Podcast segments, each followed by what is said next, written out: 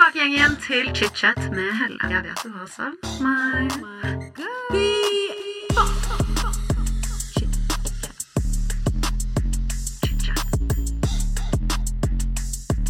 I dag får jeg besøk av forfatter, podcaster, tidligere blogger og TV-personlighet Linnea Myhre.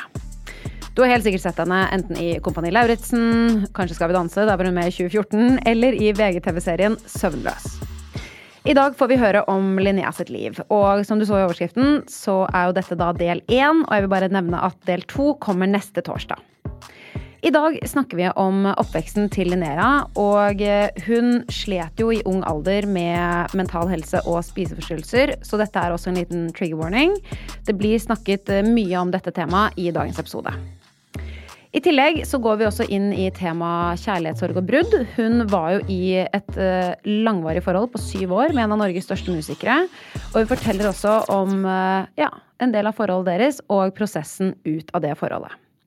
Jeg må også nevne at I del to så går vi inn eh, mer i nåtid. Vi snakker selvfølgelig om bryllupet, hvordan du møtte Emil, og prosjektet for fremtiden. Velkommen tilbake til chit-chat. Velkommen til chit-chat, Linnea Myhre. Tusen takk.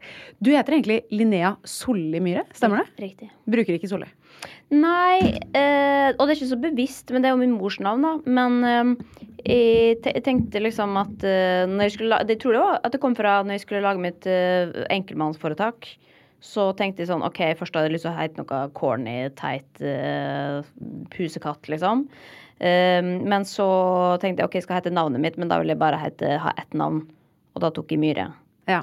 Eh, og det er sikkert fordi det er det som lå sist. Og så syns jeg også at det Jeg vet ikke, altså jeg- med all ære til Solli, men jeg syns også det, er liksom, det er litt tøffere med Myhre. Det er helt enig. Det er litt mer unikt, litt mer statement. Ja. Eh, så er det jeg har valgt. Og så har jeg også tenkt sånn fint å, å kunne spare et etternavn til uh, seinere, i tilfelle jeg blir cancelled eller et eller annet sånt, sånn at jeg slipper å bruke Myhre. Dette er veldig gøy. Herregud, det har jeg aldri tenkt på. Jeg heter jo Staff til etternavn. Jeg liker egentlig Ja. det mye bedre enn Nordby. For jeg heter Ja. Staff Nordby. Staff er egentlig sykt mye kulere. Enig. Så hvis jeg blir cancelled, da skal jeg gå rett over til Staff. Ja. Er nydelig. Men herregud, hvordan har du det om dagen? Ganske bra, vil jeg si. Ja? Uh, litt roligere periode enn det pleier å være, og det er veldig behagelig. For da kan jeg liksom få, tid til alle de tingene som jeg aldri får tid til. Henge opp gardiner og sånn, som sånn som vanlige folk driver med. Ja. Det, det må jeg gjøre. Jeg har en gardin hjemme som må henges opp. Men du har jo litt å drive med. Vi skal jo snakke om bryllup i dag, og det er jo mye som skjer i livet ditt. Ja. Så det kommer vi jo til litt lenger ned i løypa. Men eh, du sa jo at du har hørt på Chitchat før, og da vet du jo hva det går i. Vi Ja, ja. hopper tilbake til barndom først, for å bli skikkelig godt kjent med deg. Og du er jo født, oppvokst i Molde. Født i Kristiansund Født i Kristiansund. og bodde der det første året i mitt liv, som jeg åpenbart ikke husker. Og så flytta jeg til Molde. Eller flytta vi til Molde, da. Ja. Ja. Og du er født 16. april 1990. Ja. Ja. Men mesteparten av eh, oppveksten din har vært i Molde. Ja. Ja. Ja, og det er jo en litt sånn Jeg tror kanskje ikke det er så mange som har hørt den historien, men for å ta en kort versjon. For vi har jo flytta veldig mye, kan man si. For øh, øh, jeg begynte på skole i Molde liksom sentrum, og det er jo en by med typ øh, 20 000 innbyggere ish. Um, masse barn på skolen og sånn, og så plutselig liksom i fjerde klasse så bestemte mamma seg for at nå flytter vi på landet uh, som var sånn halvtime unna Molde, da. Til en veldig liten skole, hvor det var 100 elever og sju stykker i klassen, liksom. Ehm, og så flytta vi videre derfra igjen da jeg gikk i sjuende, litt lenger inn mot byen igjen, men fortsatt på landet. Sånn ny barneskole, min tredje barneskole. Og så flytta vi tilbake igjen da til byen da jeg begynte i tiende. Ok, mye flytting, da. Ja, mye Ja. flytting. Så jeg har ganske mye liksom eh, Altså, når, jeg, når jeg, folk skal be om hjelp til å flytte og sånn, så får jeg, jeg får helt sånn jeg, jeg kan ikke. Jeg bare sier sorry, jeg har traume etter flytting, liksom. Fordi at hver gang vi har flytta, så er det vi som har båret hver eneste pappeske, kasta ting, begynt på nytt, begynt Altså liksom Så det er en sånn Det er sånn rituale som vi bare Jeg vil helst unngå det, da. Så hver gang jeg skal flytte, så går jeg fullstendig i kjelleren. Men det skjønner jeg. Hey, I'm Ryan Reynolds. At Mint Mobile, we like to do the opposite of what Big Wireless does. They charge you a lot, we charge you a little. So naturally, when they announced they'd be raising their prices due to inflation, we decided to deflate our prices due to not hating you. That's right. We're cutting the price of Mint Unlimited from $30 a month to just $15 a month. Give it a try at mintmobile.com slash switch. $45 upfront for three months plus taxes and fees. Promo rate for new customers for limited time. Unlimited more than 40 gigabytes per month. Slows. Full terms at mintmobile.com. Many of us have those stubborn pounds that seem impossible to lose, no matter how good we eat or how hard we work out. My solution is PlushCare. PlushCare is a leading telehealth provider with doctors who are there for you day and night to partner with you in your weight loss journey. They can prescribe FDA-approved weight loss medications like Wagovi and Zepbound for those who qualify. Plus, they accept most insurance plans. To get started, visit plushcare.com slash weight loss. That's plushcare.com slash weight loss. I'm Sandra, and I'm just the professional your small business was looking for. But you didn't hire me because you didn't use LinkedIn jobs. LinkedIn has professionals you can't find anywhere else, including those who aren't actively looking for a new job but might be open to the perfect role, like me. In a given month, over 70% of LinkedIn users don't visit other leading job sites. So if you're not looking on LinkedIn, you'll miss out on great candidates like Sandra. Start hiring professionals like a professional. Post your free job on linkedin.com/people slash people today. Men jeg er også nå, voksen alder, så har jeg innsett, vet du hva?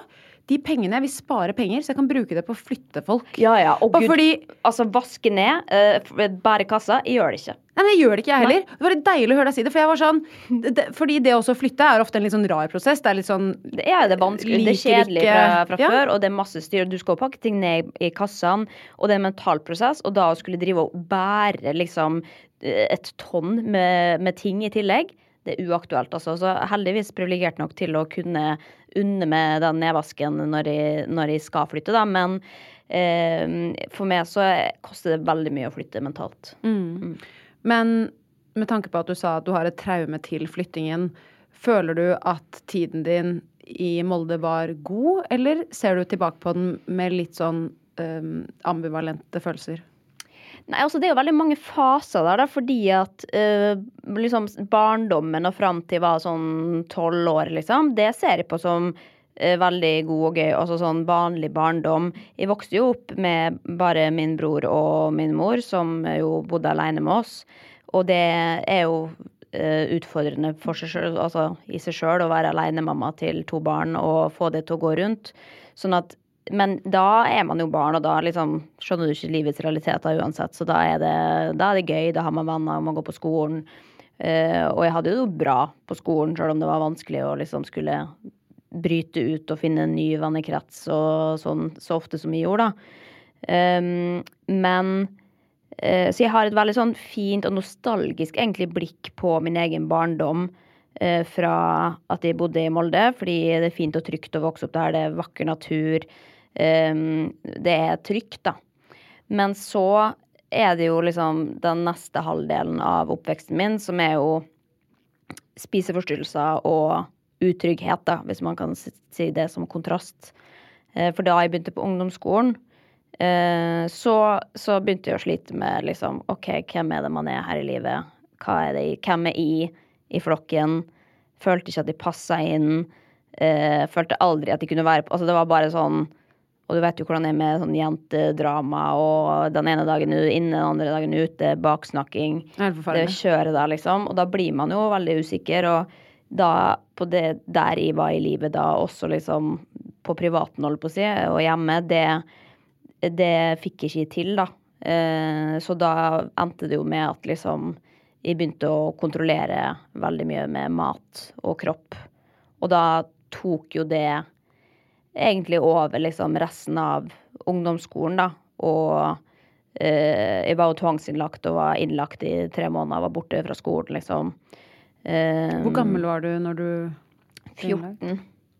Og så bodde vi jo liksom også på landet. Altså vi bodde liksom langt oppi noe som heter Øverbygda. Og det var sånn, vi kunne så vidt se en nabo bak et tre langt der borte, liksom.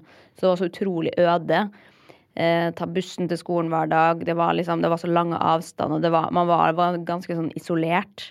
Så jeg hadde jo også all tid i verden til å liksom dyrke den sykdommen her, liksom. I dette altfor store huset på landet, liksom.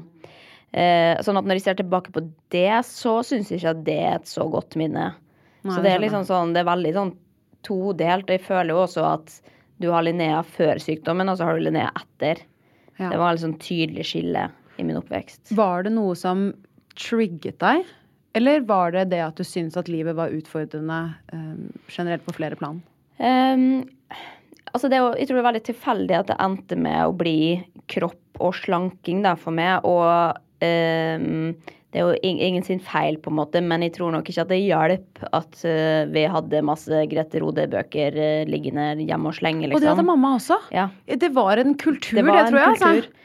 Og det var, folk var jo helt obsessed med det, liksom. Og jeg tror alle mødrene i min gjeng drev med det på et eller annet tidspunkt, liksom. Sånn, og det, det var jo egentlig det var godt meint, og det er sånn, ja, ja, sunn kosthold, og vi lagde gode middager og alt mulig, men det blei jo så utrolig mye fokus, fokus på det der sånn kalorier, kosemerker, eh, Ja, ja-mat, det var så nei-mat. sjukt. Når du nevner det nå, så blir jeg helt dratt tilbake. Ja, liksom. ja. Fordi det der husker jeg så godt. Og de kokebøkene sto fremme, liksom. Ja, ja. Man blir constant reminded på det hele tiden. og kjøkkenvekt og veie maten og liksom sånn at eh, jeg leste jo veldig mye i de bøkene der. Jeg husker altså de kolonnene med sånn nei-mat, ja-mat.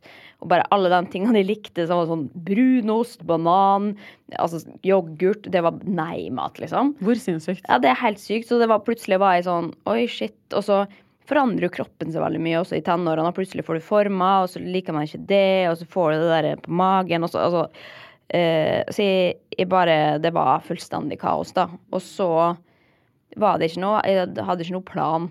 Jeg visste ikke hva anoreksi var da.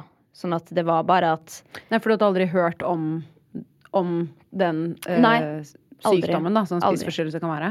Så, så det var veldig tilfeldig at det var der det endte. Det kunne jo vært noe helt annet, men jeg hadde åpenbart et behov for å flytte fokuset fra der i alt det jeg syntes var vanskelig, over på noe konkret, da, og da blei det slanking. Fikk du hjelp av moren din? Ja. Ja. Eh, hun tok veldig fort tak. Hun skjønte liksom, Vi holdt det jo skjult for veldig lenge. Eh, og det var lett å holde det skjult, fordi at det var, hun var som regel på jobb, og jeg kunne styre sjøl, og du finner jo på tusen unnskyldninger og eh, ja, alt mulige. Men når hun først skjønte og begynte å se at jeg gikk ned i vekt, og at jeg ikke ville ha det jeg spiste før, eh, så, så var det liksom Du skal du skal gå og få hjelp, og det skal du få nå, liksom. Sjøl om vi var i full fornektelse, og her er det ingen problem, så det er sånn jo, du skal til BUP, liksom. Ok, så når du ble lagt inn, Mm. um, var du in denial, hvis jeg kan si det på den måten? Eller visste Nei. du da at det var et alvorlig problem? Da hadde jeg gått i BUP, til BUP ganske lenge. Uh, men jeg var fortsatt sånn. Jeg var også, og det som skjer også når du uh, utsetter kroppen din for så lite næring over lang tid også, du blir jo bare en sånn spøkelsesversjon av deg sjøl. Hjernen din er jo ikke med du er avskrudd, liksom. Så jeg husker vi satt altså, i mange måneder hos psykologen og bare sa ingenting. Det var bare liksom enveiskommunikasjon, da, og bare jeg tok imot. Og så skjønte jeg vel Eh, Jeg tror det var liksom faktisk mormor som sa det til meg en eller annen tilfeldig sommerdag, liksom, hvor vi satt ute på verandaen hennes, og hun sier sånn, men innser du at du er sjuk, Linnea? Forstår du at du har en sykdom? Og det tror jeg var første gang jeg liksom turte å si ja, det, det, jeg skjønner det nå, liksom. Fordi at da skjønte jeg at å ja, men jeg vil jo ikke slutte med dette. Og uansett, jo tynnere jeg blir, jo styggere syns jeg at jeg blir. Så det var, det var en ond sirkel. Det var, ingenting var bra uansett, da. Eh, ja. Hvor lang tid tok det for deg før du følte at du hadde kontroll over ditt eget liv igjen, på en måte? Nei, den dagen venter jo fortsatt på det, holdt på å si. Ja. Um, nei da, jeg Nå er jo dette et halvt liv siden, sånn at jeg, føler jo absolutt at liksom i begynner, eller liksom ute i 20-årene eh, så følte jeg at jeg kunne leve et ganske liksom godt liv med det. Men det er jo mange, det er mange steg i det, da. Det er fra å liksom eh, ikke tørre å gå på restaurant til å gå 100 ganger på restaurant for å venne til at det er noe livet byr på, på en måte. Eh, eller om det er å flytte på måltid, rutiner, ting du har eh, som er veldig sånn tvangsprega rutiner. Eh, sånn at det er jo det å for hver dag liksom sakte, men sikkert gi slipp på det du tror er kontroll, da. For å nettopp liksom la livet ditt få, få ha sin egen kontroll på en eller annen måte. Og det er jo utrolig stor forskjell i dag på sånn som vi har det nå, at da Men det er jo likevel liksom oppi mitt hode så går det jo på en måte med mat og planlegging og sånt stort sett hele tida. For man hører jo, øh, eller jeg har hørt flere ganger, at hvis man har slitt med en alvorlig spiseforstyrrelse, så blir du på en måte aldri 100% kvitt det. Ja, Vil du ikke si helt at det stemmer sant. eller ikke? Nei, det er en myte. Ja. Eh, for jeg har møtt mennesker som har kommet seg helt ut av det. på en måte. Men så er jo spørsmålet da, ok, hva er en spiseforstyrrelse, og hva er det å være opptatt av mat og kropp? Fordi at vårt samfunn er jo opptatt av mat og kropp. Det å være på en måte helt likegyldig. Ok, så er det kanskje noen menn som får til det, på en måte, og ikke bryr seg om hva man spiser eller hvordan man ser ut, eller whatever. Men dessverre så er jo det blitt en veldig viktig og stor del av vår kultur. Um, sånn at uh, du må reflektere over hva du spiser og hva du um, hvordan du ser ut, fordi at du blir påminnet det absolutt hele tida. Ja, vet du hva? 100 Ja. Hele tiden. Det er faktisk helt sinnssykt hvor stor del det har av Ja, hvor mye vi snakker om det, og Ja. det, det er jo veldig skadelig også, fordi at jo mer liksom Og bare sånn påvirkning, da, RF eh, slankebøker eller sånn type ting. Altså, vi påvirker hverandre hele tida. Altså, hvis vi snakker veldig mye om kropp, og 'nei, nå har jeg gått opp i vekt', eller 'å, jeg har lyst på sommerkropp'. Altså liksom hele tida det fokus og jaget, det gjør jo hele tida at 'å ja, faen, det burde jeg også tenke', det burde jeg altså sånn Vi smitter hverandre med mer tanker. og en ting er i hvert fall sikkert Jo mer tid du bruker på å tenke på å snakke om ting, jo mer obsessed blir du med det. på en måte. Og det, det er ikke sunt, da.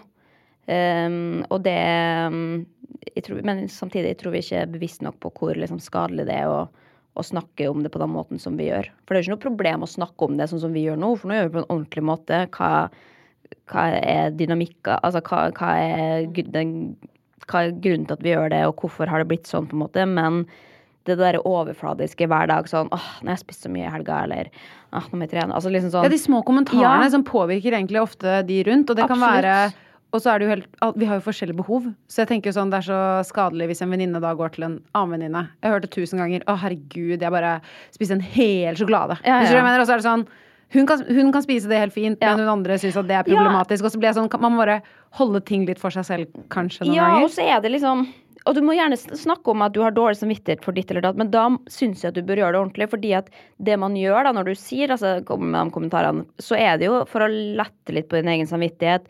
Kanskje vil den si eh, 'Å, herregud, jeg er i også'. At man liksom At det gjør det litt mindre farlig.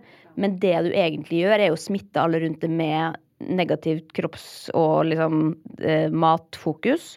I tillegg til at du også tvinger dem rundt det til å sammenligne seg med det. Hvis du da har en venninne som du syns er helt fantastisk eh, perfekt eh, i kroppen, og så kommer de og, og klager over sin egen kropp, og så er du eh, 20 kilo mer, så det selvfølgelig da vil man føle seg ræva, da.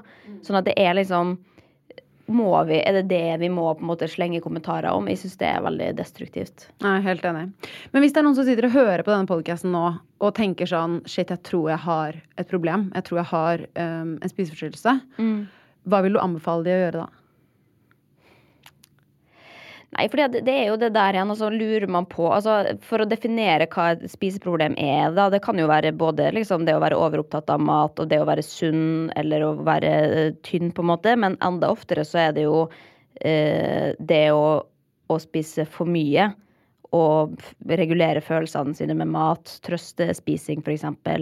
Um, så som regel Altså de 90% av dem som har spiseforstyrrelser i Norge, er normalvektige eller overvektige. Så det er ikke en sånn Myten er jo at liksom, du må være tynn for å Det være spiseforstyrret. Nei, det, bulimi og overspisingslidelser er som regel eh, den vanligste da, lidelsen. Um, og så er det jo hårfine balanser for hva som er syk og ikke. Men hvis liksom Hvis det å, å tenke på mat eh, mengdene du tenker på mat, eh, går utover livskvaliteten din, det er da du kan tenke at ok, her er det Da har jeg kanskje et problem. Um, men nei, hva skal man gjøre? Altså, jeg tror jo at det er sikkert Det viktigste er i hvert fall å, å vite at du blir ikke, det går ikke over av seg sjøl hvis du har en lidelse, på en måte. Selvfølgelig. Alle, jeg tror jeg kan, alle mine venninner har på et eller annet tidspunkt syntes at mat og kropp har vært vanskelig. Det betyr ikke at de har spiseforstyrrelser av den grunn. Um, men um, det er jo dette med å liksom at hvis det blir et problem, og du kommer langt ned nok i det, så er det, finnes det ikke noen quick fix ut av det aleine. Um, Få skaffe hjelp. skaffe hjelp. Og da er det jo veldig sånn fine sånn eh, lavterskelmuligheter. Eh, på ROS for eksempel kan du chatte anonymt. Eh, Villa Sult eh, har drop-in-tilbud hvor du kan komme gratis eh, et par ganger. Altså det finnes liksom veldig lavterskel hvor du trenger ikke rett inn og få en psykolog som skal tvinge deg til å gjøre det ene eller det andre. Men det viktigste er å liksom snakke med noen, og gjerne noen som er liksom kyndige, da. Fordi én ting er å snakke med dem rundt seg og ha en du stoler på, men de kan jo ikke løse problemet ditt. Det er mer sånn støttespiller. Ja. Nei, det der tror jeg er veldig viktig å snakke om, de lavterskeltilbudene. For jeg føler at man, man blir så redd når man hører psykiatri, og man, det er så Ja, mye ja. heavy ord, og, og det å bli lagt inn er som I hvert fall jeg får helt sånn Og jeg har slitt mye med tungsinn, så jeg vet liksom øh, Det er jo en helt annen, annen historie, på en måte, men øh, det å skulle tenke på å bli lagt inn i psykiatrien er jo ekstremt tungt. Altså Ja. sånn, Bare tanken på det for min del gir meg, gir meg grøsninger, fordi jeg har vært liksom nær til tider. ikke sant? Og det det bare, ja, Så det er bra med lavterskeltilbud som man kan snakke anonymt hvis man syns det er flaut, og komme seg gjennom den startgropa. For jeg føler at det å gå fra å spørre om hjelp, eller det å ikke tørre å spørre om hjelp, til å spørre om hjelp, det er det første steget, og det er Mm. Ja. som ofte så jævlig vanskelig. Ja. Men og det er jo, selv om jeg har snakka om mine ting offentlig, på en måte, så betyr ikke det Altså hvis man har et problem, eh, så betyr ikke at du skal snakke om det til alle, men i hvert fall dele det med én eller to, da. Det har liksom For det er det, det å holde, seg, holde det inni seg som er eh, farlig. Ja. Åh, men ja, bra. Bra med det. Jeg blir bare så veldig dratt inn i dette, så jeg bare Nå må jeg klare å Ja. gå til neste steg. Men jeg blir Ja, det er bra å snakke om det, og Um, ja, man tydeligvis mange som sliter med mat mer enn det kanskje jeg er klar over. Ja, og det øker jo helt sinnssykt nå, liksom. Ja. Så det, er, mm, det kommer til å bli et større og større problem, og samtidig så bygger vi ned sengeplasser til folk som sliter, liksom, og det er vanskeligere å komme seg inn til psykologen noensinne, sånn at vi, vi kommer til å få et kjempeproblem. Men så lykke til til Det trist. norsk regjering. Veldig trist. Ja. Men som jeg nevnte i starten av podcasten, og som vi skal snakke om mer i eh, resten av episoden, er jo det at du har gjort helt sinnssykt mye. Og jeg, når jeg tenkte deg nå, så er det sånn Man husker som oftest det som har skjedd nylig. Så for eksempel eh, søvnprosjektet du har hatt. Så imponerende. Elsker. Jeg har sett alt sammen. Er det sant? Ja, selvfølgelig. Altså, jeg, jeg er den personen nå som har VG+, som jeg ikke tenker over at de høsler meg hver måned, fordi jeg skulle se Det, Søvnløs. det, det er sånn som det vi vil ha. Ja, ikke sant? Det er akkurat det. Jeg gikk i den gruppa. Det jeg kom på når jeg skrev manus tidligere. For jeg var sånn Jeg er den personen. Nå må jeg huske å kansellere. Fordi nå er jeg liksom egentlig ferdig med å se det. Men du har som sagt gjort mye. Men noe som jeg faktisk nesten hadde glemt litt, er jo det at du er forfatter. Ja. Sånn, det føler jeg at det er noe av det jeg husket deg først som. Og du hadde jo blogg, men jeg var aldri med på helt den perioden. Men eh, du er jo en kjent forfatter, en veldig flink forfatter, og har fått eh, ja, mye anerkjennelse for det. Men når var det du begynte å bli interessert i å skrive? Um, nei, det, det er et godt spørsmål. Altså, jeg begynte jo å skrive blogg da jeg var sånn 17. Og da var jo det bare for gøy. Og da visste jeg ikke at jeg var så glad i å skrive nødvendigvis, men jeg hadde jo alltid visst liksom på skolen Jeg var ikke noe flink i matte og real... Altså liksom alle de tingene der som er sånn praktiske ting. Mens når jeg fikk lov å skrive stil, så syntes jeg det var mye gøyere, og fikk alltid god karakter i det, da. Cool fact a crocodile can't stick out its tongue. Also, you can get health insurance for a month or just under a year in some states. United Healthcare short term insurance plans, underwritten by Golden Rule Insurance Company, offer flexible, budget friendly coverage for you. Learn more at uh1.com. There's never been a faster or easier way to start your weight loss journey than with PlushCare. PlushCare accepts most insurance plans and gives you online access to board-certified physicians who can prescribe FDA-approved weight loss medications like Wigovi and Zepbound for those who qualify. Take charge of your health and speak with a board-certified physician about a weight loss plan that's right for you. Get started today at plushcare.com slash weight loss. That's plushcare.com slash weight loss. plushcare.com slash weight loss. Life is full of what ifs, some awesome, like what if AI could fold your laundry? And some, well, less awesome, like what if you have unexpected medical costs? United Healthcare can help get you covered with Health Protector Guard fixed indemnity insurance plans. They supplement your primary plan to help you manage out of pocket costs. No deductibles, no enrollment periods, and especially no more what ifs. Visit uh1.com to find the Health Protector Guard plan for you. Så jeg følte at jeg mestra det. Og så hadde jeg jo hatt den bloggen i ganske mange år, og da fikk jeg jo tilbakemelding på at det var gøy, og at jeg skrev bra, liksom. Selv om det er Altså, bra. Hva er bra når du er 18 år på internett, liksom? Det Jeg, jeg, jeg tar det ikke til meg nå, altså. Men eh, det som uansett var kult med bloggen, var jo at det var det som var eh, Åpna døra til at jeg kunne skrive bøker. Fordi blogg starta jo som noe galskap, hvor det var ingen regler, alt var lov, du kunne bare Altså, det var en syk tid. Ja, ja, det var helt Altså, for de som vokser opp nå, forstår ikke Ja, ja. hvor psycho internett var før. Nei, det var absolutt ingen ingen regler. Du fikk alt du ville i posten uten å skatte for det, og det var absolutt ingen regler du kunne bli tatt for. Og det gjør jo selvfølgelig også at man har skrevet mye man kanskje angrer på på internett opp igjennom. Um, men har du det- noen eksempler på ting du tror du har Eller som du kan huske som du var har sånn, er altså jeg har skrevet sånn at feminisme er dumt og altså sånn Ja. ja. Bare sånn ting som jeg ikke sto for engang, men som bare sånn Ja, jeg må skrive noe i dag. Ja. Og så var det jo noe med uh, å liksom provosere. Da skjønte du at du fikk flere ser, nei, lesere.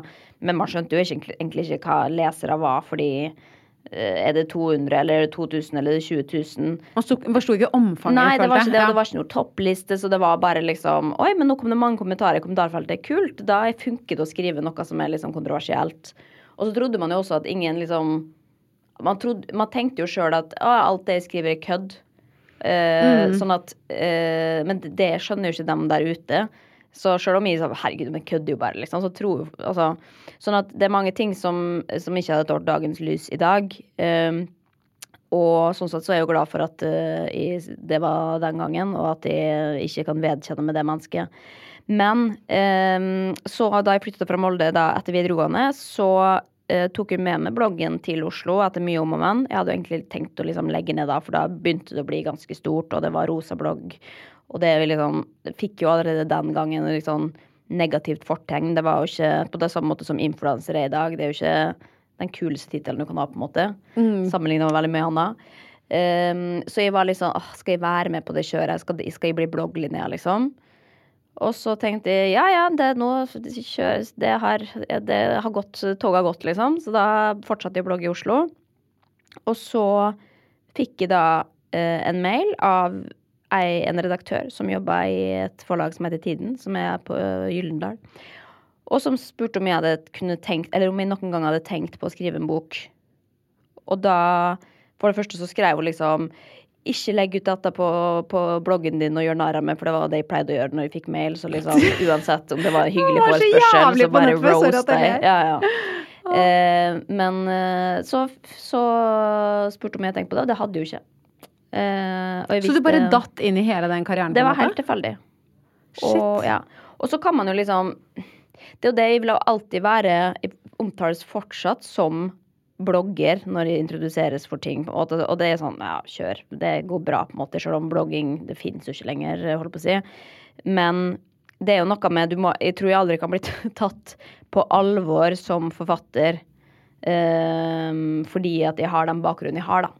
Det er Mener du det? Sånn, ja, for det er jo noe som heter bloggforfatter, på en måte. Og det var jo litt, litt der det kom fra. Sånn at jeg tror at når du kommer derfra og går inn, eller hvis du er influenser også, at det blir liksom Og selvfølgelig åpenbart. altså Hvis jeg ser på andre også, jeg tar jo ikke eh, mine bloggkolleger eller eh, influenserkollegaer like på alvor som jeg tar eh, Altså Jeg forstår hva du mener, altså. Du, du Ja, skjønner? ja, Ja. Sånn at, um, og det er jo bare en fordom vi har, og jeg, men jeg har den jo sjøl også, på en måte. Sånn at uh, selvfølgelig, det er vanskelig å være poster girl på Instagram samtidig som du skal bli tatt seriøst, liksom. Det er et eller annet med det, da. Men jeg lever helt godt med det. Og så har jo skrevet fire romaner og to andre typer bøker, men uh, Og syns at det var gøy en periode, men nå syns jeg ikke det lenger. Nei, Um, Det syns jeg er egentlig veldig spennende. ja. Fordi jeg også er en person som eh, Alle spør meg hele tiden sånn Er du ikke redd for hva som skjer neste år? Ja. Så blir jeg sånn, jeg vet ikke hvem jeg er neste år. Nei. Altså, jeg er 28 år, jeg. Jeg forandrer meg hele Ja. tiden. Um, og vennene mine, de aller fleste, har jo uh, ja, utdannelse og høyt utdannet, og de er liksom ja, dette er det jeg skal jobbe med hele livet. Ja. Og jeg får jo angst av det. Helt enig. Og tanken på at jeg skal gjøre én ting hele livet, er jo bare helt klaustrofobisk. Og jeg liker det at du sier sånn Nei, men jeg, det var en periode av livet mitt, og da likte jeg å skrive. Kanskje du kommer til å gjøre det igjen, men akkurat nå så føles ikke det riktig. Og det er helt greit, for jeg føler hele samfunnet vårt romantiserer det å ha livslange jobber, livslange forhold, livslange At alt skal være så steady, og det er det som på en måte equal happiness. Ja, Skjønner du hva jeg mener? Ja, og jeg er helt enig med det. Men jeg vet ikke om jeg synes, er enig at, at vi romantiserer. Jeg tror jo heller at folk flest kanskje øh, syns at det er den beste måten å leve på. Selv om jeg får helt klaus av å tenke på herregud, hvis jeg skulle tatt en utdannelse rett etter videregående, jeg visste ikke hvem jeg ville bli en gang, på en måte, og så bare bo et sted og, og og, få barn og være der resten av livet. Altså det er, Jeg får, jeg får helt panikk av å tenke på det. Men det er jo det folk flest gjør. Men tror du at det er det de fleste liker, eller tror du bare det at folk er redd for usikkerheten det kommer med å bytte arbeidsplass eller jobb eller yrke eller ta seg en ny utdannelse i voksen alder? Nei, jeg har tenkt mye på det fordi at øh, bare, Fordi at de lurer på Oi, herregud, hvordan, hvordan får man til det? Blir du ikke nysgjerrig på hva som er der ute, liksom. Um, men så, samtidig så kjenner jeg utrolig mange som gjør det, og som bare sånn Nei, det her er det beste, og vi kan reise på ferie samme sted hvert år, og som er det, det Og jeg er nesten litt sånn Nesten litt misunnelig. Jeg skulle akkurat si Det vet du hva? Ja. Det er nesten sånn Det er sånn som jeg har også noen ganger sagt til venninnene mine som er religiøse. Så er sånn, noen ganger så misunner jeg dere. At dere kan finne ro i det å ha en tro, eller ro i det å på en måte ha det samme. Fordi jeg, hvis jeg har det, så tror jeg jeg skal bli gal. Ja. På en måte. Men jeg tror også for samfunnets del, når du, hvis det er det du er inne på, at liksom, Ja. jeg tror det er best at vi bare liksom får oss en jobb og blir der. Stedet, hvis alle skulle vært sånn som oss, som bare sånn Jeg kan bytte jobb i morgen. Nå er jeg lei av dette. Nå Og for tar en jeg dette. kaotisk verden. Ja, ja. Og bare Altså, det hadde jo blitt et, et fullstendig eh, kjør. Sånn at eh, jeg er veldig takknemlig for at vi har dem som har lyst til å, å bare være ett sted resten av livet og trives med det. Fordi da, da kan vi andre få lov å, å bytte yrke annenhver dag og gjøre sånn som vi har lyst til å gjøre, da. Men i, tilbake til det også med, med bøker, at, at det kan godt hende de skriver i fram, framtida også, men eh, jeg, har veldig tro på å prøve nye ting, utvikle meg, og jeg kunne sikkert utvikla meg og blitt en bedre forfatter og alt mulig, men når alt kommer til stykket, så syns jeg Jeg syns ikke den ensomheten det å skrive eh, er verdt det, da. Fordi folk leser ikke bøker lenger. Det er utrolig mye um, langvarig og tungt arbeid som du blir helt ko-ko av, og isolerende. Du er helt fullstendig aleine. Uh, og til og med når det liksom Og forfattere flest, de, de selger jo ikke bøker engang, sant. Sånn at da er det jo bare sånn OK, da har jeg brukt to år av livet mitt da, på noe som ingen absolutt bryr seg om. Og, som, og hvor man nesten ikke har penger til å betale strømmen, liksom. Og så, eh, men også for meg som da har eh, solgt greit, liksom, og som kanskje ikke har vært avhengig av å få den inntekten, så føler jeg likevel at det ikke er verdt det. At det bare sitter sånn Ja. Men det er jo ingen som kommer til å lese det, liksom. Eller det betyr ikke noe for noen. Eller Altså, og det er så Er det, er det, når man først publiserer, og hvis man selger greit, er det penger i bøker da nå? Ja, lite, altså. Jeg pleier å ikke anbefale folk å skrive bøker. Ja.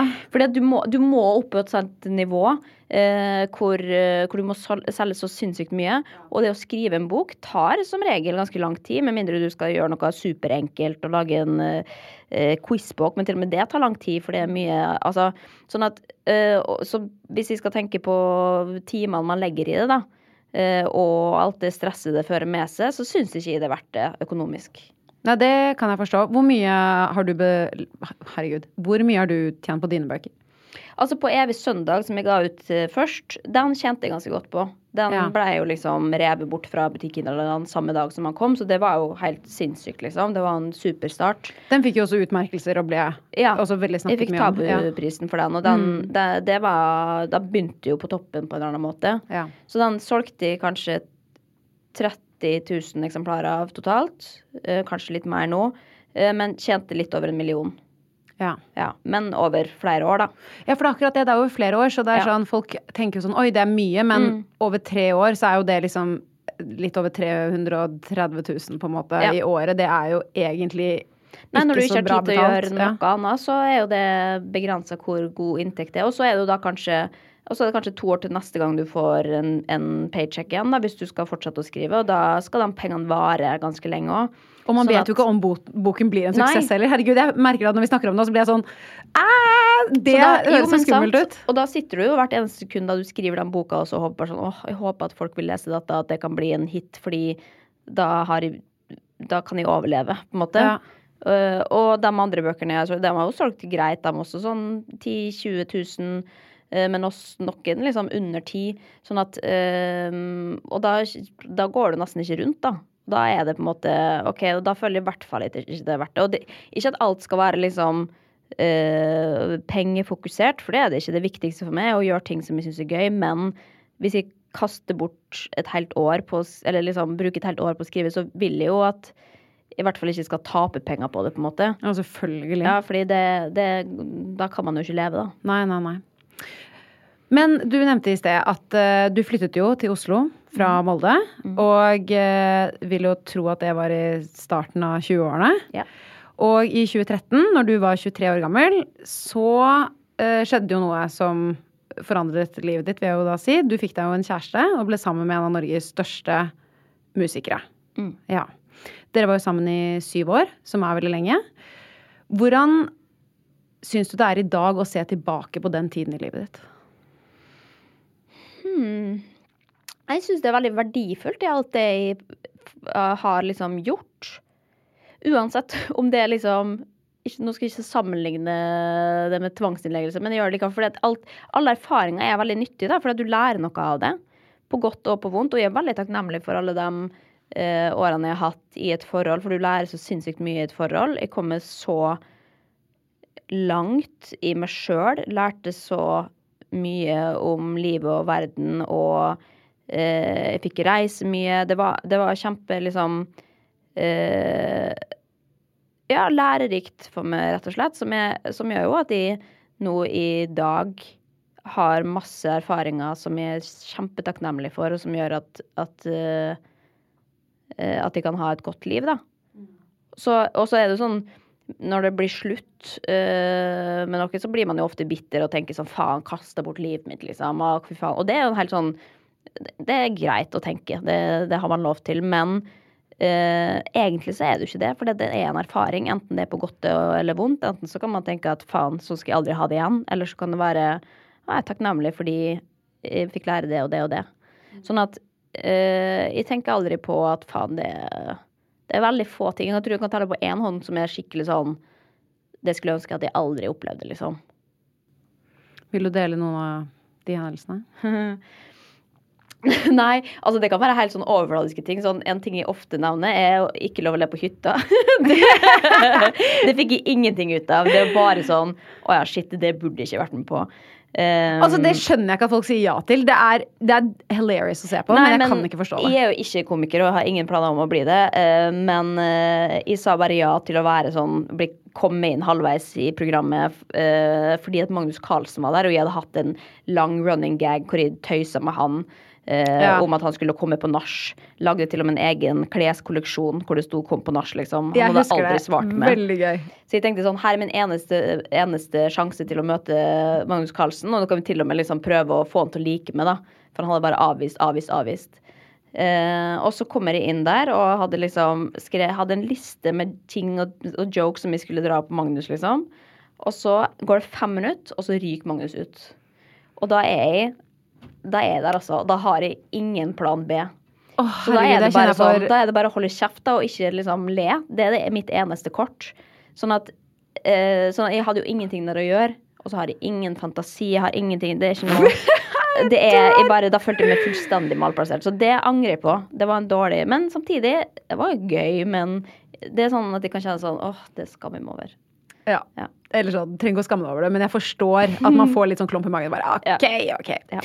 Men med tanke på uh, det forholdet du var i, som varte i syv år Og grunnen til at jeg skal spørre deg om det spørsmålet, er fordi eh, vi har hatt det kanskje litt likt, så vil jeg bare høre hva du tenker. Fordi du, som du sa også nettopp, du reiste mye med din eks og bodde litt i utlandet og sånne type ting. Føler du noen gang at du ble påvirket av livsstilen og ønskene til din eks uh, når dere var sammen? Eh, sånn med tanke på at man på en måte bare setter sine egne behov og kanskje sin egen plan litt til side for å på en måte følge bare livet til kjæresten sin. Og ja, det, og det tror jo alle gjør Ja. på en eller annen måte. Men kanskje særlig For da var jeg så ung og hadde jo Jeg har jo aldri hatt en sånn konkret mål om at jeg vil gjøre ditt eller datt. Um, jeg skal dit. Så da var det jo veldig lett å bare bli med. Og jeg hadde jo liksom Jeg skrev jo bøker. Jeg skrev tre-fire bøker i den perioden, liksom. Sånn at jeg hadde jo mine greier som jeg holdt på med, men det kunne jeg gjøre hvor som helst. Men jeg husker jo, det ble jo veldig sånn Oi, shit, nå eh, er jeg i LA, og nå er jeg her i mange uker og måneder, eh, altså over tid. Og da er det sånn Oi, men herregud, kanskje jeg også skal flytte dit. Altså, da, man blir jo veldig sånn Selv om aldri har aldri kommet på den tanken sjøl. Men det er også fra de impulsene man får fordi nettopp man er plassert der i utgangspunktet, da. Eh, Men om Jeg vil ikke si at jeg liksom dermed satte mitt eget liv på vent, men du blir jo kanskje litt bare Du blir jo bare litt med, på en måte. At sånn OK, men da opplever jeg det. Men det er jo akkurat det som jeg syns er kult med livet også, da. At du plutselig liksom havner i en situasjon som gjør at du møter et menneske eh, som har en jobb som du tenker bare wow, det vil jeg også gjøre.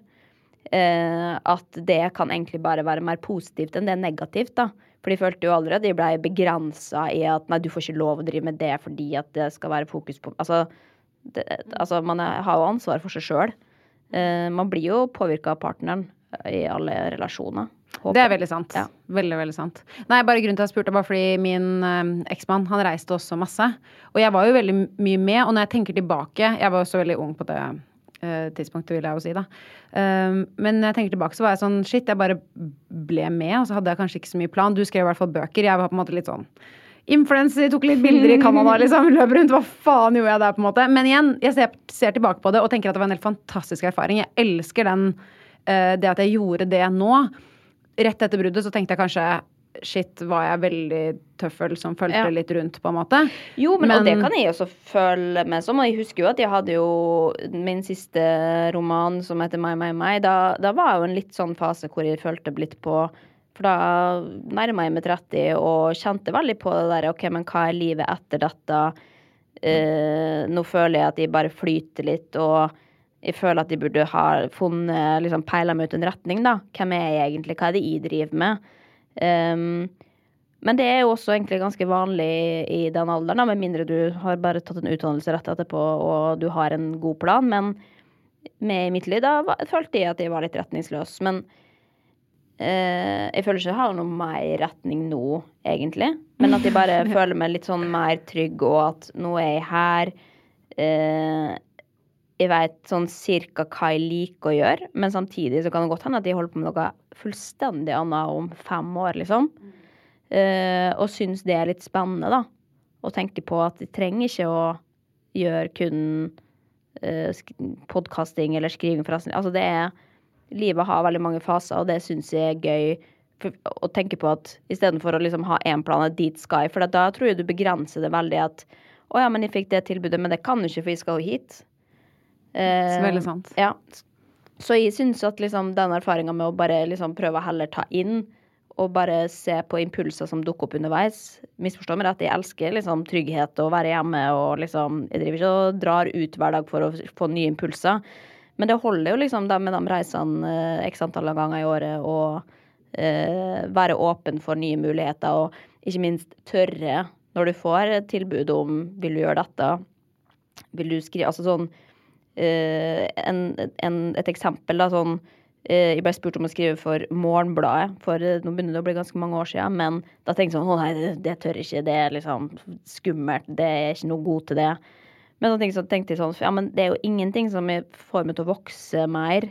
Store, altså Tenk hvis jeg får det til og føler at jeg mestrer det. Det er jo en kjempenyttig erfaring som gjør at jeg tør noe annet en annen gang. Man må jo liksom bare prøve å pushe grensene eh, litt og litt, da, og så plutselig så gjør det at du får en annen jobb der etterpå. Ja, jeg tror det er kjempesunt. Ja. Og det å gå ut av komfortsonen sin det er jo forferdelig, men Ja. det gainer deg jo. Du er veldig glad for det når det er ferdig, Absolutt. føler jeg. Mom deserves the best, and there's no better place to shop for Mother's Day than Whole Foods Market. They're your destination for unbeatable savings, from premium gifts to show-stopping flowers and irresistible desserts. Start by saving 33% with Prime on all body care and candles. Then get a 15-stem bunch of tulips for just $9.99 each with Prime. Round out Mom's menu with festive rosé, irresistible berry chantilly cake, and more special treats. Come celebrate Mother's Day at Whole Foods Market. Planning for your next trip? Elevate your travel style with Quince. Quince has all the jet setting essentials you'll want for your next getaway, like European linen, premium luggage options, buttery soft Italian leather bags, and so much more. And is all priced at 50 to 80% less than similar brands. Plus, Quince only works with factories that use safe and ethical manufacturing practices. Pack your bags with high-quality essentials you'll be wearing for vacations to come with Quince. Go to quince.com/pack for free shipping and 365-day returns. Mom deserves the best, and there's no better place to shop for Mother's Day than Whole Foods Market. They're your destination for unbeatable savings, from premium gifts to show-stopping flowers and irresistible desserts. Start by saving 33% with Prime on all body care and candles. Then get a 15-stem bunch of tulips for just $9.99 each with Prime. Round out Mom's menu with festive rosé, irresistible berry chantilly cake, and more special treats. Come celebrate Mother's Day at Whole Foods Market. Men eh, jeg kom over en artikkel eh, i Se og Hør hvor du fortalte at når du og din eks gikk fra hverandre, så var det under covid. Og at dere da var stuck med hverandre i flere uker etter at dere hadde slått opp under på en måte samme, samme tak, da. Ja, altså Jeg har nok aldri snakka med Se og Hør om det, men de har vel De har fått det sikkert til å bare framstå som det. sneaky bitches, har de helt sikkert vært. Men jeg bare så en artikkel og tenkte bare sånn Det der høres ut som mitt verste mareritt. Men hvordan Ja. var det for dere? Nei, altså det var, det, dette var jo en unntakstilstand i livene til alle, på en måte. Og jeg var jo egentlig i LA på det tidspunktet og uh, gikk på UCLA og tok noen fag der. Og så kom covid, og så måtte jeg reise hjem litt tidligere. Og da Det var jo ikke noe trygt oppholdelse i USA, på en måte, så da måtte man bare være voksne og Men det, det gikk helt fint. Man er jo voksne mennesker og ting Altså jeg tror det var veldig mange i den perioden der som gjorde ting man ikke eh, Eller hadde konstellasjoner som ikke var optimale, på en måte. Eh, men eh, Og nå er det veldig sånn interessant å se tilbake på. Shit, men greia, ja, det var, det var også en periode av livet. Eh, glad ikke man skal tilbake dit. Eh, sånn at jeg, jeg syns også det er bare gøy å tenke på nå. Ja.